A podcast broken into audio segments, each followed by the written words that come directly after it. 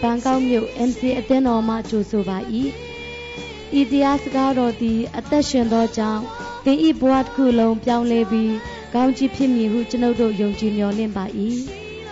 ဤတရားစကားအပြင်တန်ရှင်သောဝိညာဉ်တော်သင်အားစကားပြောပါစေသောဤတရားဟောချက်သည် စီးပွားရေးအဖြစ်မဟုတ်လျင်လက်ဆင့်ကန့်ကူးယူဖြန့်ဝေနိုင်ပါသည် အပတ်စဉ်တရားဟောချက်များခံယူလိုပါက mcatalent.com တွင်ဆက်သွယ်နိုင်ပါသည်ရှိတော်မဖြစ်တော်သာသမီများအတွင်ကိုရောပေးချင်တော့ကတော်အလေးဖြစ်ပြီကိုရှင်မြတ်မောက်တော်အတွက်ကျေးဇူးတင်ပါ၏ကိုရှင်ပြိုင်ဗရိညင်နဲ့ဆက်ဆိုင်သောဂရိတော်များအတွက်ကျေးဇူးတင်ပါ၏ကိုရောသက်ရှင်တဲ့ဖရာသစ္စာနဲ့ပြည့်စုံတော်မူသောဖရာ ကိုရနာမဒီကပါဆက်ဆက်ပုံချီပါစေနှုတ်ကပတော်လက်တော်တွေမှာအနန္တခါမှာလက်ခံပါတရှင်သောဝိနုဖျားနားလေစီပါကိုရောတွန်တင်ပါကျွန်တော်ကိုလည်းတွန်တင်ပါဒါဝိကြီးတဲ့မှုပြုပါမိကြောင်းတခင်ခရစ်တော်နာမ၌ယုတည်စွာဆုတောင်းပါ၏အာမင်ကျေးဇူးတင်ပါတယ်ရောက်တိုင်းထိုင်အောင်အေဖက်ခန်းကြီး6အေဖက်ခန်းကြီး6အငယ်14ဖတ်ပါကျမ်းစာအုပ်မရှိတဲ့သူတွေဝယ်ပါအလကားတောင်းလို့လည်းရတယ် အလကားပေးတဲ့အခမဲ့ပေးတဲ့ကျမ်းစာအုပ်ရှိတယ်ရောင်းတဲ့ကျမ်းစာအုပ်ရှိတယ်နော်ဆိုတော့တင်းတော်မှာရှိပါတယ်လို့အေဖက်ခန်းကြီး6အငယ်14သစ္စာဒီဟုသောကပန်းကိုစီးလျက်ဘုရားသခင်ပြင်ဆင်သောဝတ်စုံကိုဝတ်ဆင်ကြလော့လို့ပြောတဲ့အခါမှာပထမဦးဆုံးပြောတဲ့စကားကသစ္စာဒီဟုသောကပန်းကိုစီးလျက် ဖြောင့်မတ်ခြင်းပါရမီဒီဟုသောယင်အုပ်တစားကိုဝတ်ဆင်လျက်ဖြောင့်မတ်ခြင်းတစားဖြောင့်မတ်ခြင်းပါရမီဒီဟုသောယင်အုပ်တစားယေဥတစားဆို armor of armor ပေါ့ဟလားရှေ့မှာကားတဲ့ဟာအနောက်ကမပါဘူးဆိုတဲ့တရားဟောချက်တွေရှိပါတယ်မဟုတ်ပါဘူးတကယ်တော့ကျွန်တော် dictionary ပဋိချာကြည့်တဲ့ခါကျတော့ဟလားရင်အုပ်တစားဆိုတော့ breastplate လို့ခေါ်တာ breastplate เนาะဒီရင်ကိုဒါပေမဲ့ရင်ကိုအုပ်တဲ့ခါမှာနောက်ကပြန်အုပ်တဲ့ဟာနဲ့ကျိုးချီထားတယ်လေနှစ်ခုနော်ဘာဖြစ်လို့တမန်တော်ကြီးရှင်ပေါလုကအထွတ်မြတ်အာနာစက်တီအပေါ်မှာရှိတဲ့ရန်သူနဲ့ဆိုင်ပြိုင်တိုက်လှတာတွေကိုပြောပြီးမှခံရနိုင်ပြီအကြောင်းဆိုတဲ့အငယ်73ကိုပြောတယ်ခံရနိုင်ပြီအကြောင်းနောင်ကာလ၌စီးတားနိုင်သဖြင့်ကိစ္စအလုံးစုံတို့ကိုပြီးစီး၍ခံရနိုင်ပြီအကြောင်း ဖျားသခင် ပြင်ဆင်တော်မူသောလက်နက်စုပ်ကိုယူဆောင်ကြလော့ပြင်ဆင်တော်မူသောလက်နက်စုံကိုယူဆောင်ထားပါမလဲဖို့မပျက်စီးသွားဖို့မထိခိုက်ဖို့ရပ်တည်နိုင်ဖို့ခိုင်ခံ့ခြင်းရှိဖို့တိုက်ခိုက်တဲ့နေရာမှာ အရှုံးမပေါ်ဘူးရန်သူနဲ့တိုက်တဲ့ခါမှာအနိုင်ပဲဖြစ်စေခြင်းနဲ့ဖျားက တင့်ကိုပြစ်တဲ့မိဆက်လက်နက်ကိုကာတတ်ဖို့တင့်ကိုပြုတ်တဲ့အရာတွေကိုမထိမခိုက်ဖို့မြားနဲ့ပြည့်ရင်ထိပေမဲ့တင့်ရဲ့ကိုယ်ခန္ဓာကိုမရောက်သွားဖို့ဖြောင့်မတ်ခြင်းတစားတည်ဟုသောရင်အုပ်တစားကို ဖြောင့်မတ်ခြင်းပါရမီတည်ဟုသောရင်အုပ်တစားကိုဝတ်ထားပါ ဖြောင့်မတ်ခြင်းလို့ပြောလာရင်ဝိညာဉ်အသီးကိုယ်သီးထဲမှာမပါဘူးဂလာတိအခန်းကြီး9 အငယ်22ကိုဖတ်ပါဂလာတိအခန်းကြီး9ငယ်22ဝိညာဉ်ပဂတိအကျိုးမူကားချစ်ခြင်းဝမ်းမြောက်ခြင်း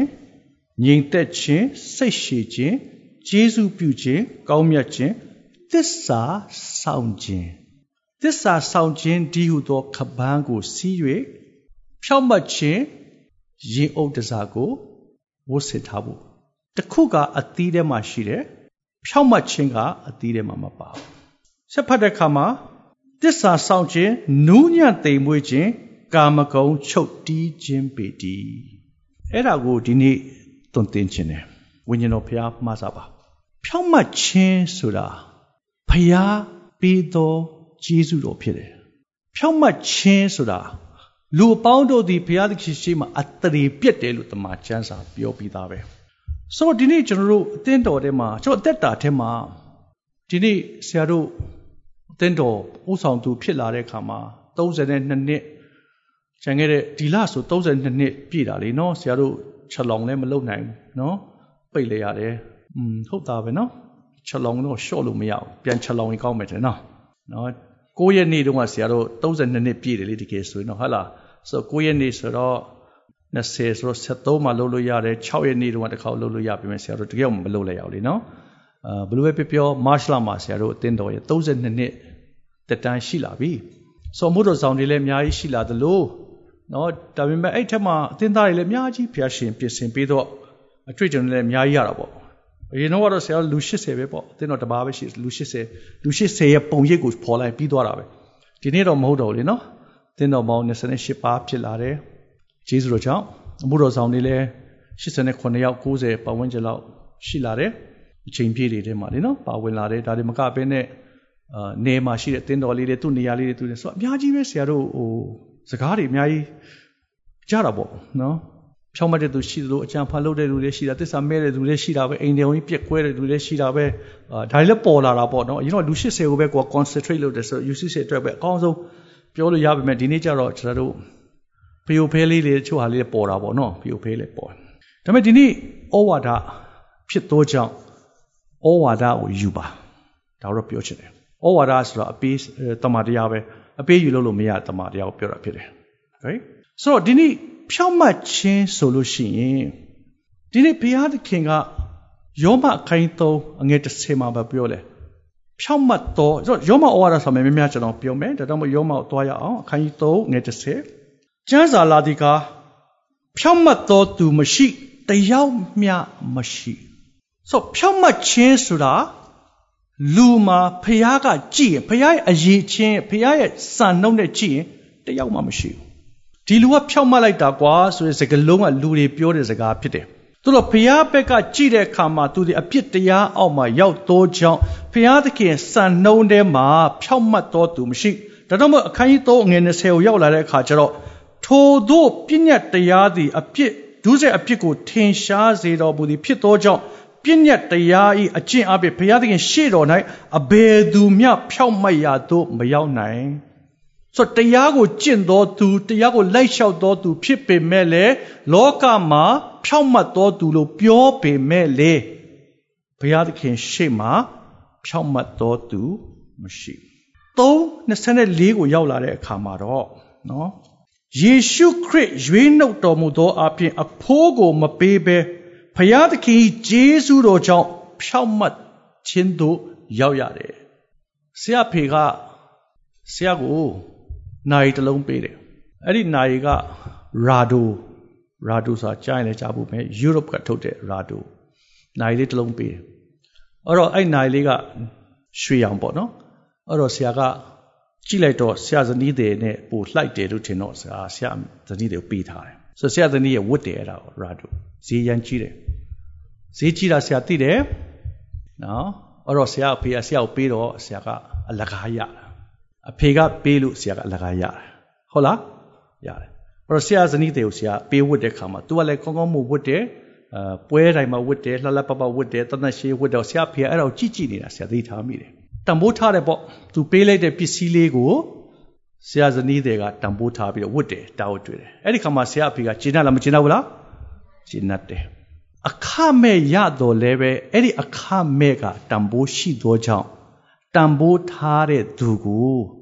ပေးသောသူကပို့ပြီးတော့ကောင်းကြီးပေးခြင်းတဲ့သူဖြစ်တယ်နားလားမသိဘူးနော်ဒါကြောင့်မလို့ဒီနေ့တင့်ကိုဖြောက်မှတ်ခြင်းဆိုတဲ့ သခင်ယေရှုရဲ့ဂျေဇုတော်ကြောင့်ယေရှုခရစ်ရွေးနှုတ်တော်မူခြင်းအပြင်အဖိုးကိုမပေးဘဲဖယားသခင်ဂျေဇုတော်ကြောင့်ဖြောက်မှတ်ရာသို့ရောက်ရတာဖြစ်တယ်။ဒါဆိုတဲ့တက်တာထဲမှာဖြောက်မှတ်ခြင်းဆိုတဲ့အရာရောက်လာရခြင်းကဂျေဇုတော်ဖြစ်တယ်။ထိုက်တန်လို့မဟုတ်ဘူး။သို့တော့သင်အဲ့ဒီဖြောက်မှတ်ခြင်းရင်အုပ်တစားကိုဝတ်ထားပါတဲ့။ပြန်ပြောမယ်နော်။ ရင်အုပ်တစားကိုဝတ်ထားဘာပြောချင်တာလဲတင်းမြင်းစီးတဲ့အခါမှာရန်သူရှေ့ကိုသွားတဲ့အခါမှာတင်းကိုပြစ်မဲ့များရှိလိမ့်မယ်တင်းကိုမကောင်းပြောမဲ့သူရှိလိမ့်မယ်တင်းကိုအစားထိုးပြီးမှတင်းကိုလှုပ်ချင်တာလှုပ်မဲ့သူရှိနိုင်ပေမဲ့တင်းရင်ကော့ပြီးတော့မှကောင်းမှုစွာလမ်းလျှောက်ပြီးစီးသွားနိုင်တဲ့အရာဟာဖြောင့်မတ်ခြင်းဖြစ်တယ်အဲ့ဒီဖြောင်းမှခြင်းကယေရှုခရစ်တော်ကြောင့်ဂျေဇုတော်ကြောင့်ရသောအရာကိုသင်ဝတ်ဆောင်ထားတယ်ဆိုတာပါလေ ကိုယ်တိုင်ကလိုက်လျှောက်တဲ့အသက်တာကိုပြောတာဖြစ်တယ်အိမ်မှာထားခဲ့လို့ရတာပေါ့ဆရာတော်ကပြောဘူးတယ်သူ့ရဲ့တူလေးကိုတဲ့သူအဲ့တုန်းကတူလေးကလည်းကျွယ်ဝတဲ့နိုင်ငံမှာနေတယ်အဖေမြဲလည်းချမ်းသာတယ်သူကလည်းကျွယ်ဝတဲ့နိုင်ငံမှာနေတယ်သူကလည်းချမ်းသာတယ်ဆိုတော့သူကလက်ဆောင် Nightingale ပေါ့အဲ့တုန်းက Nightingale ဆိုတာဟို game ကစားတဲ့ဟာလေးလေနော် Nightingale သိတယ်မှာကလေးတွေအဲ့ kick ကတော်တော်ကြီးကြီးတယ်အဲ့ဒါလေးသူကဝေသူ့တူလေးဆိုတော့ပေးတယ်တဲ့ဒါပေးပေမဲ့တဲ့ ပေးပြီးတော့နောက်တစ်နေ့ကျတော့အဲ့ကလေးလေးကအဲ့ဒါလေးကိုဟွန်းဆိုပြီးပစ်ထားတယ်တဲ့ဟာအန်တီလေးတဲ့ဘယ်လိုခံစားမှမသိဘူးသူ့တူသူကသူကမုံဆုံးမဆိုတော့ဟိုဘယ်လိုပြောရည်လဲနော်သူတို့ခေတ်ကတော့ socialist ခေတ်မှာကြီးလာပြီးတော့မှသူကပြပထွက်သွားပြီးမှ socialist မှာဆင်းရဲတဲ့အကြောင်းလဲသူနားလည်ထားတယ်ငွေတန်ဖိုးလည်းသူတည်တယ်သူကလည်းလည်းအမှုတော်ဆောင်ဖြစ်တယ်အာဒါပေမဲ့ तू ကတန်ဖိုးရှိတဲ့အရာ तू တူလေးကိုပေးခြင်းလို့ဆိုပြီးမှ तू ကဈေးကြီးကြီးလေးကိုဝေးမှမွေးနေ့လက်ဆောင်လာ तू တွေ့တာတခု तू ပေးလိုက်တဲ့ခါမှာ အဲတူလေးကလက်ချမ်းသာတဲ့မိသားစုကနေတယ်ဆိုတော့ဒါလေးကတိတ်ပြီးတော့တန်ဖိုးမရှိဘူးဆိုတဲ့တွေးခေါ်လေးနဲ့ तू ကနေတယ်ထမရဲ့သူတို့ချင်းချင်းပြောတာပါဒါဆရာသူတို့တရားစီရင်တာတော့မဟုတ်ဘူးလေနော်ဒါပေမဲ့ခံစားချက်လေးကိုဆရာပြောပြတာဟာချောက်ကြီးရဲ့တိလားဆရာတို့ကချောက်ကြီးလို့ခေါ်ချောက်ကြီးရဲ့တိလားအန်တီလေးသူ့ပေးလိုက်တာဒီဟာကွာနောက်တနေ့သွားကြည့်တော့အာကျမ်းပေါ်မှာဒီလိုက်ချထားအာအန်တီနှမျောလိုက်တာနှမျောလိုက်တာအေးပေါ့လေသူကလည်းပေးဟင်းချက်ပြီးစားတဲ့အဖွဲ့တော်မှာပါတယ်ဆိုတော့ နော်ခေါ်တကားကြီးလို့ပေါ့ပေးဟင်းချက်စားတဲ့အဖွဲ့တော်ပါနှမျောတာပေါ့ဒီနေ့ဘုရားသခင်ကတင့်ကိုဖြောင်းမှချင်းပေးထားတယ်တင်ဘယ်လိုရက်တည်တယ်လဲကတင်နဲ့ဘုရားနဲ့ဆိုင်တယ်နော်ပြန်ပြောမယ်တော့ဖြောင်းမှတ်တော့သူကဂုံယူစရာမရှိပါဘူးဂျေဇုတော်ကြောင့်ဆိုတော့ဆရာအကျွတ်မဲ့ဝန်ခံတယ်သို့တော့ဖះရန်ကုန်ယူတယ်လို့ပြောချင်တယ်ပြန်ပြောမယ်နော်သင်ဖြောင်းမဆိုရတယ် အာကိုရောကျွန်တော်တော့ဒီကိစ္စ sorry ပဲကျွန်တော်မလုပ်နိုင်ဘူးဒီကိစ္စကိုရောမနစ်သက်ဘူးနော်ကျွန်တော်တော့ရပ်ပြီကိုရောနော်ကိုရောရပ်ပြီကျွန်တော်လို့ပြောလိုက်ရင်ဒီမှာဘုရားသခင်ကလေဖြောင်းမတော်သူအတွက်တာ၍ကြီးသောအရာတွေကိုသူပေးခြင်းနဲ့ဘုရားဖြစ်တယ်ဒါကြောင့်မလို့မာနကိုစီတာကတနိုင်ပါမည်အကြောင်းပြင်ဆင်တော်မူသောလက်နဲ့စုပ်ကိုဝတ်ဆင်ပါလို့ပြောတဲ့အခါမှာပထမတစ်ချက်ကတစ္ဆာဆိုတဲ့စကားလုံးသုံးတယ် တစ္ဆာဒီဟုသောခပန်းကိုပြောတဲ့ဒုတိယချက်ကဖြောင့်မတ်ခြင်းဒီဟုသောရင်အုပ်တစားကိုဝတ်ဆင်ထားပါပါရမီလို့ပြောတယ်ဖြောင့်မတ်ခြင်းပါရမီဆိုတာယက်တီတာတင်မဟုတ်ဘူး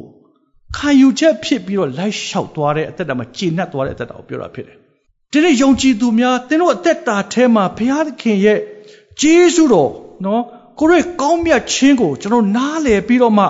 ကိုတော့ပြုတ်တော်မူသောအရာကိုကျွန်တော်နားလေတဲ့အသက်တာမှာယက်တည်စားဒါတော့မလို့အခန်းကြီး၄ယောမအခန်းကြီး၄ငွေ25ဘလို့ရတာလဲကျွန်တော်စဉ်းစားဖို့ရှိတယ်ယောမအခန်းကြီး၄ငွေ25ပါပြောဆိုယေရှုသည်ငါတို့အပြစ်ကြောင့်အနံ့ခြင်းကိုခံတော်မူ၏ကျွန်တော်အပြစ်ကြောင့်သခင်ယေရှုလက်ဝါးကားတိုင်းမှာအသေးခံတာဖြစ်တယ်တေခြင်းဟာတင့်ရဲ့ပြဿနာကိုရှင်းဖို့ဖြစ်တယ်ပြန်ပြောမယ်နော် ခရစ်တော်အသေးခံခြင်းဟာတင့်ရဲ့ပြဿနာအတွက်ရှင်းထုတ်ဖို့ရန်အတွက်ကိုရောအသေးခံပေးတာအသွေးသွန်းတာဖြစ်တယ်သို့တော့ bonus ဖျားဖြစ်သောကြောင့်သူ့ကိုချစ်တဲ့သူချစ်တဲ့လူအတွက်အပြစ်သားဖြစ်ပေမဲ့အဲ့ဒီအပြစ်သားကိုသူနဲ့တူသောသူရှိတော်မကိုတိုးဝင်ခွင့်ပေးသောသူ့ကောင်းမြတ်ခြင်းကိုတာ၍မြည်စမ်းသိဖို့ရအတွက်ဖြောင့်မတ်ခြင်းကိုသူဘယ်လိုလုပ်လဲသိလားငါသည် ဖြောင့်မတ်ရာသို့ရောက်မိအကြောင်းထမြောက်တော်မူ၏တဲ့ဟာလေလုယာသခင်ခရစ်တော်အသေးခံခြင်းကိုကျွန်တော်ကျေးဇူးတင်တယ်ကျွန်တော်ပြည့်အတွက်ကိုရောအသေးခံပေးတယ်လက်ဝါးကလေးမှာအသေးခံပေးတယ်ဟာလေလုယာဒါနဲတဲ့ကောင်းကြီးမင်္ဂလာမဟုတ်နဲတဲ့မင်္ဂလာမဟုတ်နော်ဒါပေမဲ့အဲ့ထက်သား၍နဲ့နဲတဲ့အရာက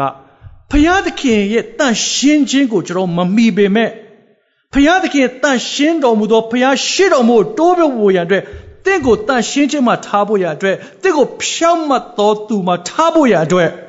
သခင်ယေရှုရှင်ပြထမြောက်တာဖြစ်တယ်။တော့တမန်တော်ရှင်ပေါလုကရှင်ပြထမြောက်ခြင်းနဲ့ပတ်သက်လာရင်လုံးဝရှော့မပြောဘူးနော်။ဒီနေ့အခြားသောဧဝံဂေလိဆိုတာတွေအများကြီးလုပ်တယ်။မရှင်ပါဘူးကွာ။ယေရှုတည်တာတော့ငါတို့နားထောင်လို့ရရှင်ပြန်ထမြောက်တယ်ဆိုမှားတယ်ဒါမျိုးတွေလုပ်တာတွေအများကြီးရှိတယ် ဒီနေ့ယုံကြည်သူကြတော့ရှင်ပြန်ထမြောက်ခြင်းရဲ့အ내ဒိတ်ပဲဟာတင့်ကိုဘုရားသခင်ကတင်မဖြစ်နိုင်သောမရနိုင်သောဘယ်လိုနည်းနဲ့မှပြင်ဆင်လို့မရတဲ့ယုံကြည်ခြင်းနဲ့ရတဲ့အရာကဘာလဲသိလားအဲ့ဒီဖြောင့်မတ်ခြင်းကိုသခင်ယေရှုကရှင်ပြန်ထမြောက်ခြင်းအဖြစ်ကျွန်တော်တို့ပေးတဲ့ဘုရားဖြစ်တယ်တို့ဒီနေ့ကျွန်တော်တို့ဖြောင့်မတ်ခြင်းကိုတန်ဖိုးထားသလားပြန်ပြောမယ်နော်သင်ကိုပေးထားတဲ့ဖြောင့်မတ်ခြင်းကိုသင်တကယ်ပဲတန်ဖိုးထားလား ဖြစ်ကြတဲ့ဆန်နေပလိုက်တဲ့လူတွေရှိတယ်နော်ငါတောင်းပန်ရတာပဲဘုရားခွင့်လွှတ်တယ်တကယ်လည်းမှန်တယ်လေနော်ဒါပေမဲ့တန်ဖိုးမထားတဲ့ဖွဲ့တန်ဖိုးထားတဲ့ဖွဲ့တွေကနော်ကိုကိုဆိုတဲ့ကောင်လေးတယောက်ရှိတယ်ကိုကိုဆိုတာကောင်လေးမဟုတ်ပါဘူးကျွန်တော်တို့ဖာယူဟကရီမှာကိုကိုတဲ့သူနာမည်ကိုကိုနဲ့ညီဆိုတာနှစ်ယောက်လေညီကိုနှစ်ယောက်လာတော့မှလားတင်းတန်းဒီမှာဒီမှာလာတက်သွားသေးတယ်သူတို့ကဟိုရနောင်းကနေပြီးတော့ကော့တောင်းကနေပြီးတော့သူတို့ဖာယူဟကရီမှာရှိတဲ့မြို့သမီးတယောက်နဲ့အိမ်တောင်ကြတယ်နော် သူ့ဆရာကြံခဲ့တဲ့6နှစ်လောက်ကကျွန်တော်အင်ဂျီလေးတစ်ထည်ပေးပို့တယ်အဲ့ဒီအင်ဂျီကလည်းဆရာရည်ကျင်တယ်ဟိုကော့ဥစားဘဝကြီးမှာနာဂစ်ဖြစ်တော့ဆရာခဏခဏခီးပြောတော့ပြီးတော့သူကချီအင်ဂျီလေးဖြစ်တယ်အဲပြီးတော့ဈေးသက်သက်သာသာနဲ့လည်းဝယ်လို့ရတယ်ဗမာပြည်မှာတစ်ထည်တစ်ထည်မှ2000ကျပ်2000လာပဲပေးရအင်ရှက်လေချီနဲ့ဆိုတော့ဆရာလည်းဟို လွတ်ပြလို့ရတဲ့အင်ဂျီမျိုးဆိုတဲ့အတွေးခေါ်ပေါ့နော်ဆရာအဲ့ဒါဝယ်ထား10တယ်လောက်ဝယ်ပြီးဆရာအဲ့မှာဝတ်ဝတ်ပြီးလို့ရှိရင်ပြန်လာရှော်ပြီးလို့ရှိရင်အဲ့လိုပေါ့သူအယောင်လေးကျွတ်တက်တယ်မျိုးစုံပေါ့အရင်ကြီးကောင်းတဲ့ဟာမဟုတ်ပါဘူးဒါပေမဲ့အဲ့တစ်ထည်ကတော်လေးကောင်းတယ်အယောင်လေးလေးကြံတယ်မပြဲမဆုပ်ဘူးတော်တော်လေးကောင်းတယ်ချီလေးဖြစ်တယ်ဆိုတော့ဆရာကြာလာတဲ့ခါကျတော့ဆရာသူ့တစ်ထည့်ပေးတယ်အဲ့ကိုကိုဆိုတဲ့ကောင်လေးတစ်ထည့်ပေးအဲ့ဒီကောင်လေးကအဲ့ဒီသားလေးကဒီနေ့အထိဝတ်ပြီးတော့သူ့ဘုရားရှိခိုးတဲ့အဲ့ဒီအင်ဂျီလေးဝတ်ထားတွေ့တယ်ကွာ ဆရာသွားရလဲသွားအဲ့ဒီအင်ဂျီဝတ်ထားတယ်အဲဆန်နေတိုင်းမှာသူဝတ်တာသိထားပြီဓာတ်ပုံရိုက်လိုက်ပြီးတော့ပို့လိုက်လို့ရှိရင်ဆရာညီမြတ်နောက်ပိုင်းသွားတယ်လေနော်သူကအဲ့ဒီအင်ဂျီနဲ့အဲ့တော့ဆရာလည်းစိတ်ထဲမှာအာငါသားအေးမင်းငါထပ်ပေးဦးမယ်ကွာနော်ထပ်ပေးခြင်းတဲ့စိတ်ပေါက်တယ်ဘာလို့ပေးခြင်းလဲဆိုတော့ तू ကပေးထားတဲ့အရာကိုတန်ဖိုးရှိလားမရှိတာပုံမှာရက်တည်တာမဟုတ်ဘဲနဲ့ तू တာ၍ထိမ့်သိမ့်သိမ့်နဲ့နိုင်တယ်ဆိုတော့ဆရာသိထားတော့လေဟိုတင်းတွေကဆရာအများကြီးပေါ့နော်ဆရာမှာရှိတဲ့ဟာနောက်ထပ်ကောက်ကောင်းတွေရောအဲဒုတိယ second hand ပဲထားပါတော့အစ်စ်လည်းပါတယ်အဟောင်းလည်းပါတယ်အဲဒီဆိုထည့်ပြီးပုံနဲ့ဆရာပို့လိုက်တာဒီတစ်ခါတော့သူအများကြီးပို့လိုက်တယ်9ထည့်6ထည့်လောက်ဘောင်းမီတစ်ထည့်ပါပါပေးလိုက်ဆက်စစ်တယ်မှာအရန်ပေးချင်တဲ့စိတ်ပေါက်သွားတယ်ဘာဖြစ်လို့လဲပေးထားသောအရာကိုတန်ဖိုးထားသောကြောင့်ဖြစ်တယ်အာမင်ဒီနေ့သစ္စာရှိသောသူဖြောင့်မတ်သောသူဖြောင့်မတ်ခြင်းကိုသင်ဘယ်လိုယက်တည်လဲလို့ပြောလာလို့ရှိရင် righteousness လို့ခေါ်တယ် righteousness ဒါကြောင့်မလို့တရားတရားနဲ့နော် 6ခုမြောက်သောဆာလောင်တစ်ချက်ကလေးကြည့်အောင်တရားနဲ့6ခုမြောက်သောဆာလောင်အပိုက်ငယ်တစ်ကနေပြီးတော့ဆရာလေးလေးဖတ်ဖို့ဖြစ်တယ်နော်ထာဝရဘုရားသည် ကောင်းမြတ်တော်မူ၍ကရုဏာတော်အစဉ်မြဲတည်သောကြောင့်ဂုံကျေးဇူးတော်ကိုချီးမွမ်းပါကျွန်တော်အရင်ဆိုတယ်နော်အဲ့ကျမ်းပိုက်ဆိုလားမဆိုလားနော်အဲ့တခြင်းတော်ရှိတယ်လေနော်ကရုဏာတော်ရှိတယ်ထာဝရဘုရားသည်ကောင်းမြတ်တော်မူ၍ကရုဏာတော်သည်အစဉ်မြဲတည်သောကြောင့်ကျေးဇူးတော်ကိုချီးမွမ်းပါ၏ဟာလေလုယာဒါကောင်းတယ် ထာဝရဘုရား၏တကိုးကြီးခြင်းအရာတော်တို့ကိုဘယ်သူပြောနိုင်သနည်းဂုံကျေးဇူးတော်ကိုအဘယ်သူသည်အကုန်အစင်ဖော်ပြနိုင်သနည်းခတ်သိမ်းသောအခါတို့၌တရားတော်ကိုစောင့်၍ဖြောင့်မတ်စွာကျင့်တော်သူသည်မင်္ဂလာရှိတယ်ဆိုတော့အပေါ်ကျမ်းပိုက်ကိုကြိုက်တယ်အောက်ကကျမ်းပိုက်ကိုကျွန်တော်မလိုက်ချောက်တဲ့လူတွေရှိတယ်လိုက်လျှောက်ရင်အပိုက်ကိုထားပစ်ခဲ့ပြီးတော့အပေါ်ဟာကိုရွတ်တဲ့လူတွေရှိလားမရှိလားရှိတယ်ကရုဏာတော်ကအစင်မြတ်တည်တယ် ကောင်းမြတ်တော်မူရဲ့ကရုဏာတော်အစင်မြတ်တည်တော့ဂုဏ်တော်ချီးမွမ်းကြလောဟာလေလုယာအဲ့ဒါတော့អော်တယ်ကွာဒါပေမဲ့အောက်မှာဆက်ဖတ်တဲ့အခါမှာခတ်သိမ်းသောအရာတို့၌တရားတော်ကိုစောင့်ရှောက်၍ဖြောင့်မတ်စွာကျင့်တော်သူသည်မင်္ဂလာကိုပြောတာကိုတို့ရဲ့စကားတော်ကိုကျွန်တော်နားလေတဲ့အသက်တာဟာအဲ့ဒီစကားတော်ကိုလိုက်လျှောက်သွားတဲ့အသက်တာဟာဖြောင့်မတ်စွာလမ်းလျှောက်တယ်လို့သတ်မှတ်တယ်ပြန်ပြောမယ်နော် ဖြောင့်မတ်စွာသွားတယ်လို့ပြောခြင်းအမှုဟာကိုတော်ပေးတဲ့ဖြောင့်မတ်ခြင်းကိုကျွန်တော်ရတယ်ကိုတော်ပေးတဲ့ဖြောင့်မတ်ခြင်းကျွန်တော်ဝန်ခံတယ်ဖြောင့်မတ်ခြင်းကိုကျွန်တော်လိုက်လျှောက်တယ်လို့ပြောတာအပေးယူမလုပ်တော့တဲ့တာကိုနံပါတ်1ပြောတာဖြစ်တယ်နံပါတ်2ကိုရဲ့နှုတ်ကပတ်တော်ကိုကျွန်တော်နားလေသည့်အတိုင်းနားလေတဲ့အပေါ်မှာယက်တည်ပြီးမှကိုရောအတွက်ယက်တည်တော့အသက်တာကိုပြောတာဖြစ်တယ်။မတရားသောမိထုံမလုံနဲ့လို့ပြောရင်မလုံတာကိုပြောတာဖြစ်တယ်။လုံတဲ့သူတွေရှိလို့ပြောနေတာဒီထဲမှာ လောဘမတက်နဲ့သူတစ်ပါးငွေမခိုးနဲ့မချီးနဲ့မစိုးနဲ့မလုံလို့ပြောတဲ့အခါမှာကျွန်တော်လုံတဲ့အရာကိုပြောနေတာဖြစ်တယ်။တခါလေးမှကျွန်တော်သိရသားနဲ့အခွင့်ပေးတတ်တယ်နော်။ခွင့်ပေးတယ်။အဲအဲ့ဒါနဲ့ပဲစာတန်ယူသွားတာလေနော်။ဒါဆိုတင်ရေအုပ်တစားကမဝတ်ထားရင်တော့ပြစ်ပြီပေါ့တင့်ကိုဘုရားသခင်အခွင့်ပေးထားတဲ့ဖြောက်မှတ်ခြင်းဟာနဲတဲ့ကောင်းကြီးမှမဟုတ်ပဲဂျေဇုတော်ကြောင့်တင်မလုတ်ဖဲနဲ့ခရစ်တော်ရှင်ပြန်ထမြောက်ချင်းချောင်းတင်ကိုပေးထားတာပေါ့ တက်တော်စဉ်းစားနော်နောက်ဆုံးသောကာလမှာတစ္ဆာဖြတ်တဲ့သူတွေရှိမယ်တဲ့ငွေချီးပြီးပြန်မပေးတဲ့ဖွဲ့တွေဟုတ်လားမဟုတ်လားသူများငွေချီးပြီးပြန်မပေးတဲ့ဖွဲ့တွေနော်ပြန်မရပဲတဲ့ကျမငွေပြန်ရအောင်ဆူတောင်းပေးပါဆိုရင်နှစ်ယောက်တွေ့တယ်ဒီနေ့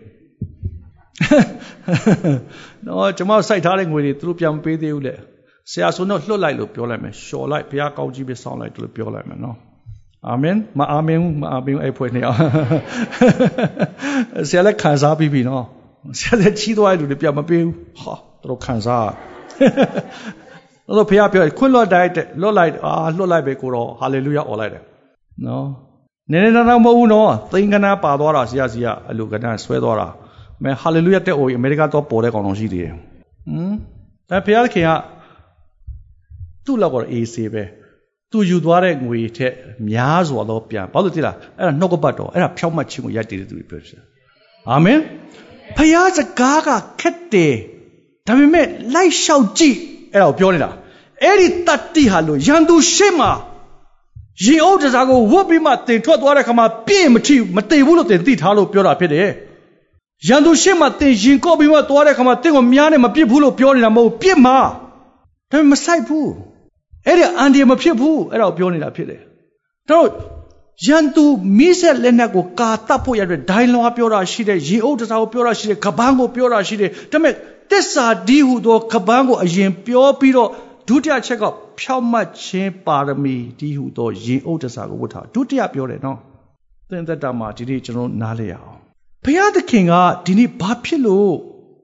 တမန်တော်ရှင်ဘောလူပြောတာကျွန်တော်သွားဖတ်မယ်အဲ့ဒါဖတ်ဖတ်ပြောပြမယ်တစ်သက်မှာတွေ့တယ် တစ်သက်အခန်းကြီးနဲ့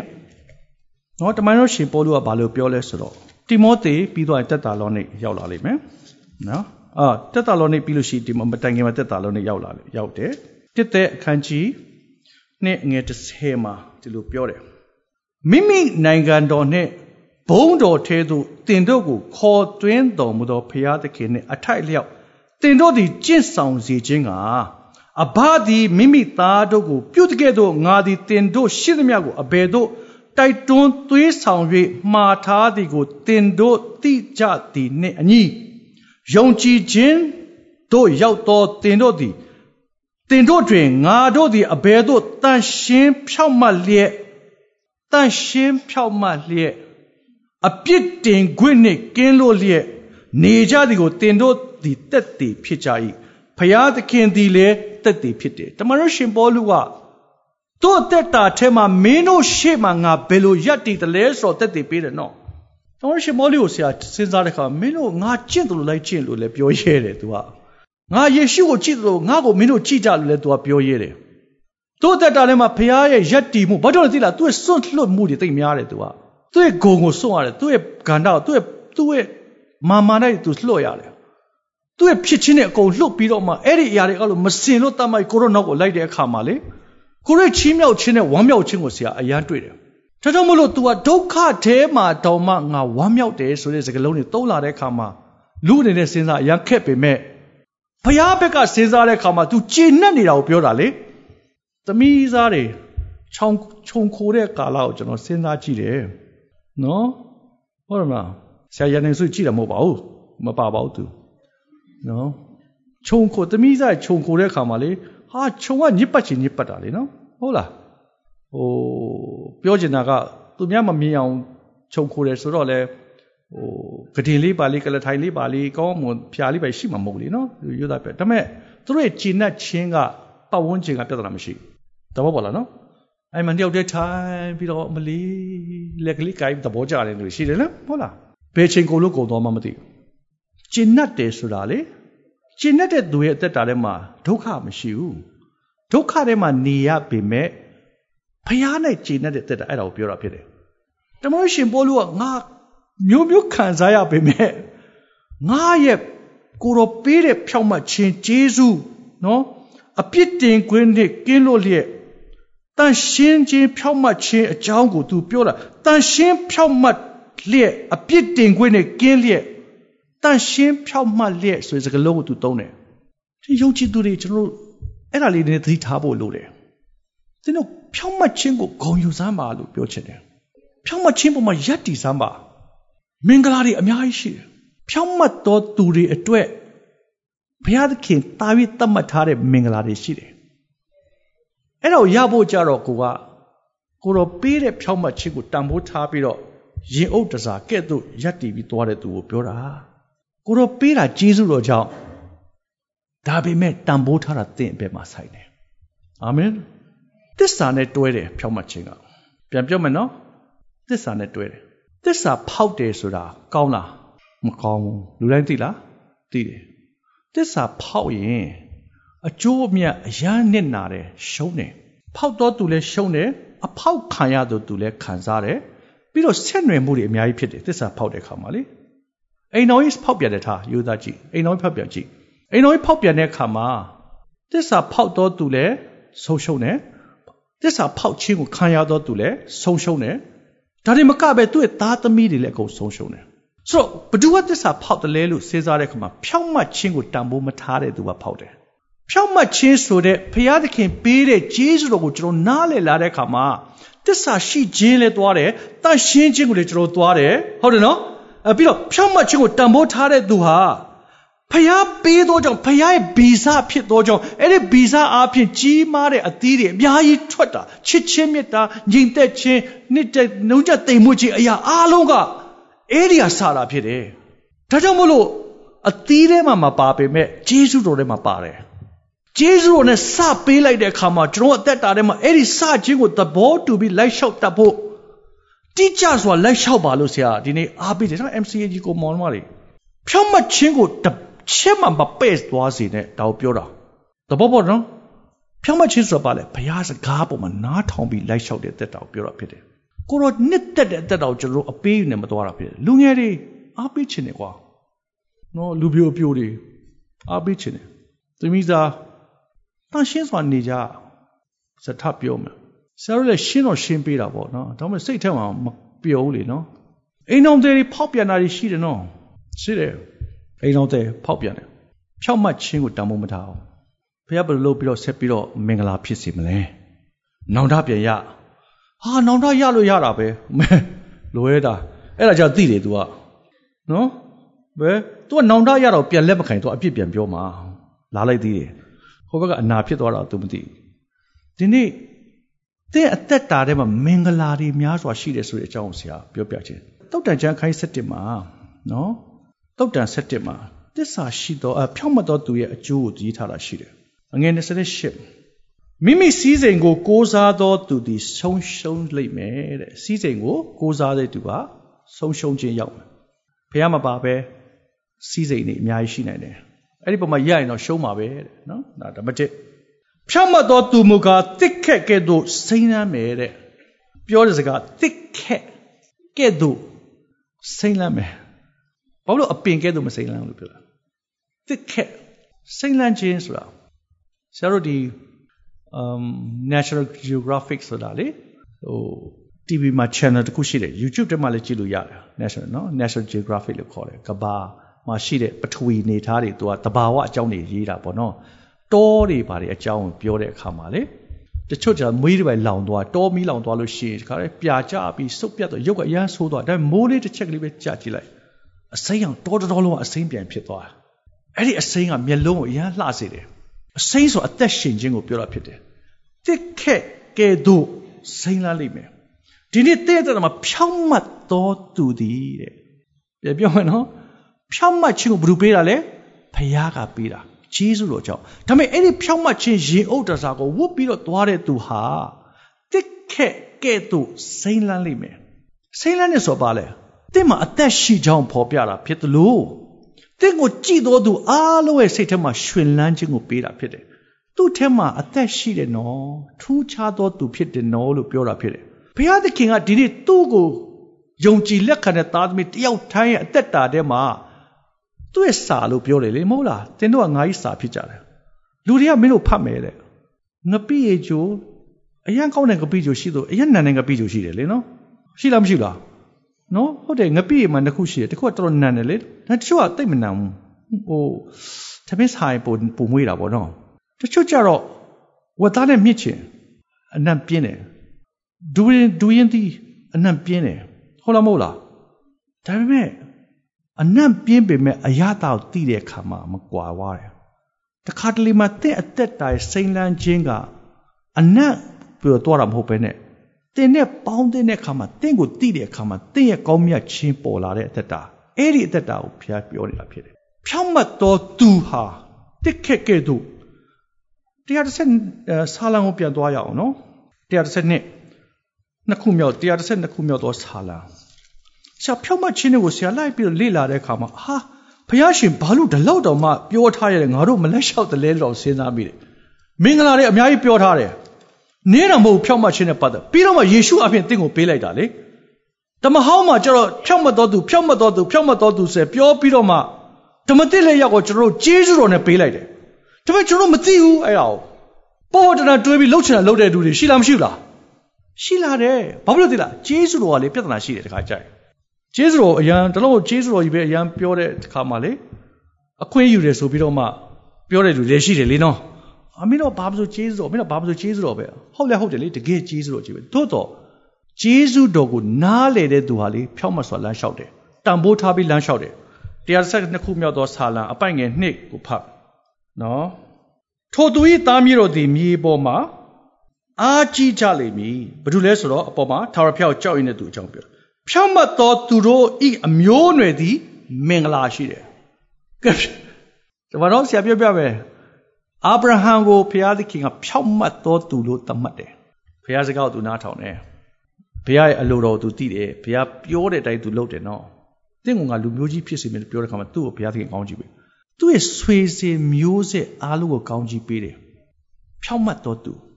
ဆွေမျိုးလိုက်ကိုကောင်းကြည့်ပေးဖြောင့်မတ်တော်သူ၏အမျိုးအနွယ်သည်မင်္ဂလာရှိတယ် တင်ဒီကနေ့ဖြောင့်မတ်လို့ရှိရင်ဖြောင့်မတ်ခြင်းကိုလိုက်လျှောက်တော်သူဖြောင့်မတ်ခြင်းကိုနှစ်သက်တော်သူဖြောင့်မတ်ခြင်းပေါ်မှာယက်တည်ပြီးတော့ဂုံယူတော်သူဖြစ်ပါတင်မွေးတဲ့သားသမီးတွေမြေးမြစ်တိုင်အောင်ဘုရားသခင်ကောင်းချီးပေးမယ်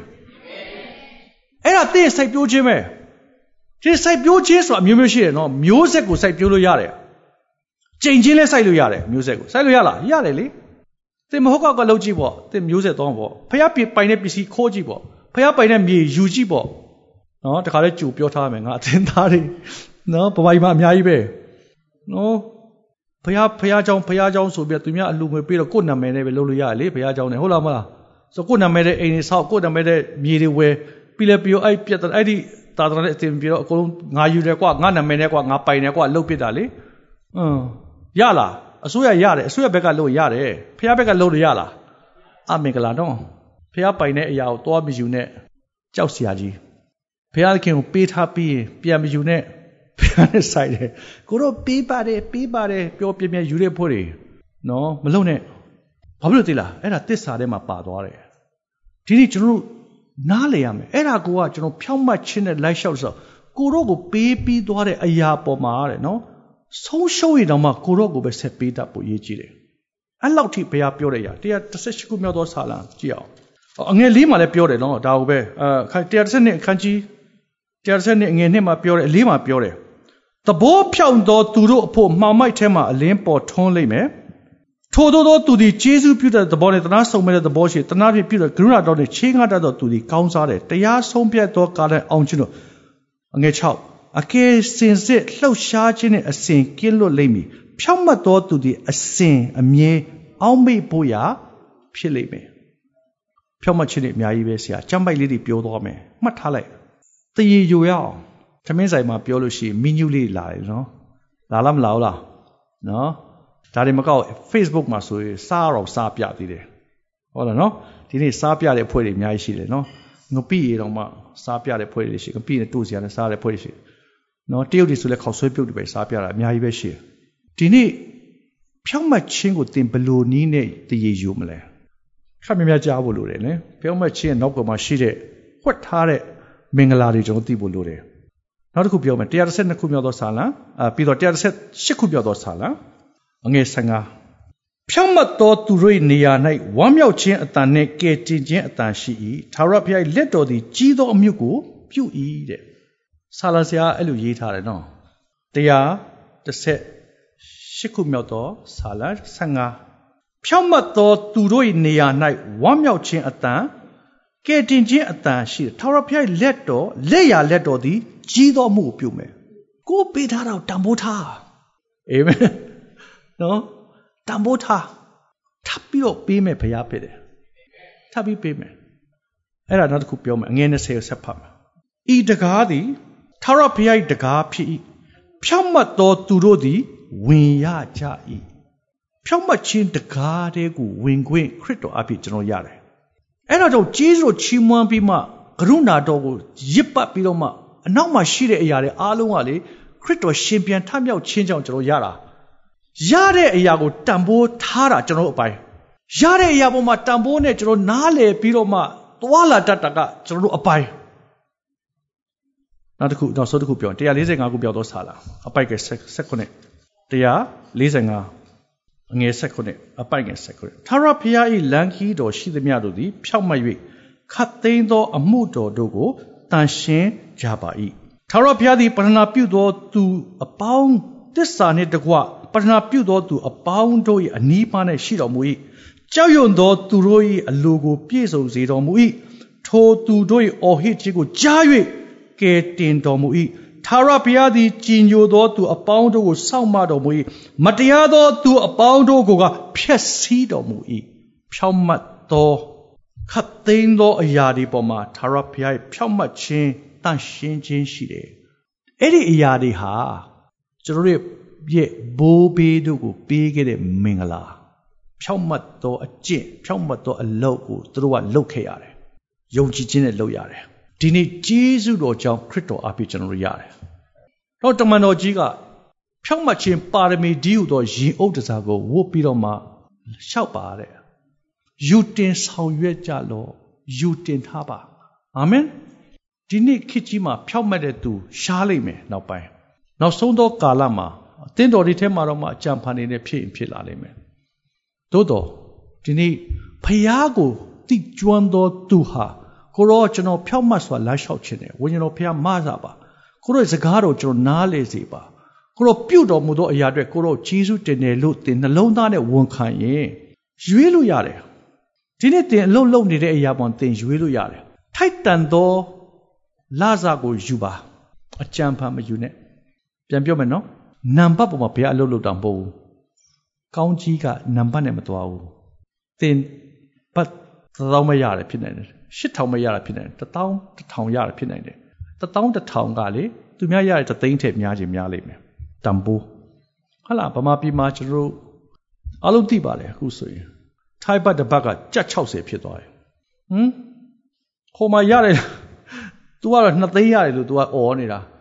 ကဘာတန်ဖိုးတဲ့စဉ်းစား तू ကကြက်ကြက်ကြက်ကြက်လာတယ်သဘောပေါက်လားမသိနော်ကြက်သွားတယ်ဒီကလူကြတော့အရင်တော့ကလည်းဘတ်1000မရတာဟိုတော့ကဘတ်1000ပို့ရင်9000မရဘူးဥပမာ အခုဆိုတော့2000ပို့တယ်တသိန်း2000ရဟိုဘက်ကိုရောက်သွားသဘောပေါက်လားမသိသူတန်ဖိုးနဲ့သူသွားနေတာဖြစ်တယ်နံပါတ်နဲ့သွားတာမဟုတ်နံပါတ်ပေါ်မှာမရက်နဲ့ဖြောင်းမချင်းပေါ်မှာရက်အဲ့ဒီဂုံယူခြင်းပေါ်မှာဘုရားသခင်ကတာ၍ကြီးသောအမှုကိုသင်ကိုပြုတယ်ဘုရားဖြစ်တယ်အာဗြဟံကိုသင်ဟာတင့်ရဲ့ယုံကြည်ခြင်းကိုငါဖြောင်းမခြင်းကတတ်မှတ်တယ်တဲ့တင့်ရဲ့ယုံကြည်ခြင်းကိုဖြောင်းမခြင်းကဲ့သို့ငါတတ်မှတ်တယ်စဉ်းစားကြည့်နော်အာဗြဟံသူပြောတာဘာလို့လဲတဲ့သူလိုက်လျှောက်တော့ကြောက် ကိုတော့စကားပေါ်မှာသူဝန်ခံတယ်သူ့ရဲ့အမျိုးတဲ့သူထွက်တယ်သူ့ရဲ့လူမျိုးတော်တဲ့သူထွက်တယ်သူ့ပြည်တဲ့သူထွက်တယ်ကိုတော့စကားတော့ဘယ်တော့မှလည်းမသိတဲ့နောက်ကသူလိုက်တယ်ဘုရားသခင်သူ့ကိုခေါ်တဲ့အခါမှာငါဘယ်တော့မလို့မပြောငါပြလက်တန်တော်ပြည်လို့ပြောတယ်သူလိုက်တယ်ယုံကြည်ခြင်းကိုပြောတင်ဒီနေ့ဘုရားကိုယုံသလားမိကုန်းကကိုရောဖြောက်မှချင်းနဲ့ရိုက်ပြီးတဲ့အခါမှာကျွန်တော်ရှုံးမှာပေါ့ဟာအဲ့ဒါမယုံတဲ့အဖွဲ့အာဒီလိုလှုပ်လိုက်ရင်တော့ကိုတော့ကျွန်တော်ရှုံးသွားမှာပေါ့အဲ့ဒါကိုတော့မယုံတဲ့အဖွဲ့ ဒီလိုလှုပ်လဲမရှုံးဘူးပြောပြမယ်နော်မရှုံးဘူးကိုတော့စကားတမန်တရားဖြစ်တယ်လို့ဝန်ခံပြီးလိုက်လျှောက်တဲ့အသက်တာအဲ့ဒါဖြောက်မှချိုးလိုက်လျှောက်တာဖြစ်တယ်ရုံမတထားပြီးဘုရားကိုဆက်ကားရအောင်ဒီနေ့တင့်သက်တာထဲမှာနော်ဘုရားမနစ်သက်တာတွေရှိရင်ရပ်ပါဆရာပြောမယ်နော်ရပ်လိုက်ပါဘုရားတင့်ကိုချစ်တယ်တင့်အတွက်ပြင်ဆင်ထားတာတွေရှိတယ်ဘုရားသခင်တင့်ကိုအယမ်းချစ်တယ်ဓမ္မဟောင်းကလူတွေကဖြောက်မှတ်ခြင်းကိုတင်းကြိုးစားပြီးသွားရတာဓမ္မသစ်မှာကြီးစွာနဲ့တင်းကိုပေးထားတာ အဲ့ဒါကိုတန်ဖိုးထားပြီးတော့မှဖြောက်မှတ်ခြင်းပါရမီတည်ဟုသောယင်အုပ်တစားဝတ်ပါအာမင်ဖဖျားသခင်ကိုရောနာမကိုကောင်းကြီးပေးပါ၏ယေရှုတင်တယ်လို့ဝန်ခံ၍နှုတ်ကပတ်တော်လက်တော်ထဲမှာအနန္တခါမှာကိုရောပေးသောဖြောက်မှတ်ခြင်းကရှင်ပြန်ထမြောက်ခြင်းကြောင့်ဖြောက်မှတ်ခြင်းဖြစ်တယ်တဲ့ဂျေဇုတော်ကြောင့်ကိုရောပေးမှဂျေဇုတော်တက်တက်ဖြစ်တယ်တံမိုးထားဖို့လက်လျှောက်တတ်ဖို့ကြီးတော်မူများကိုဝန်ခံပြီးဘုန်းတော်ထင်ရှားဖို့ရတဲ့ကောင်းကြီးဖြစ်စေတော်မူပါ နှုတ်ကပတော်လက်တော်တွေမှာအနန္တသားသမီးရောက်တိုင်းတတ်တာမှာမျိုးစစ်ကြပြီပင်ပေါက်ပါမိအကြောင်းသုံးပါးတစုဖြစ်တော်မူသောခမည်းတော်ဘုရားထံတော်ပါမှမြစ်တာတော်သားတော်ဘုရားကျေးဇူးတော်တန်ရှင်သောဝိတော်ဘုရားလမ်းပြပို့ဆောင်မိသားဖွဲ့ခြင်းတို့သည်လောက်ကြသောညီကိုမောင်မတယောက်စီတယောက်စီပေါ်မှာယခုချိန်မှစလဲကာလအစဉ်မြေတည်ရှိတည်မြဲပါစေသောအာမင်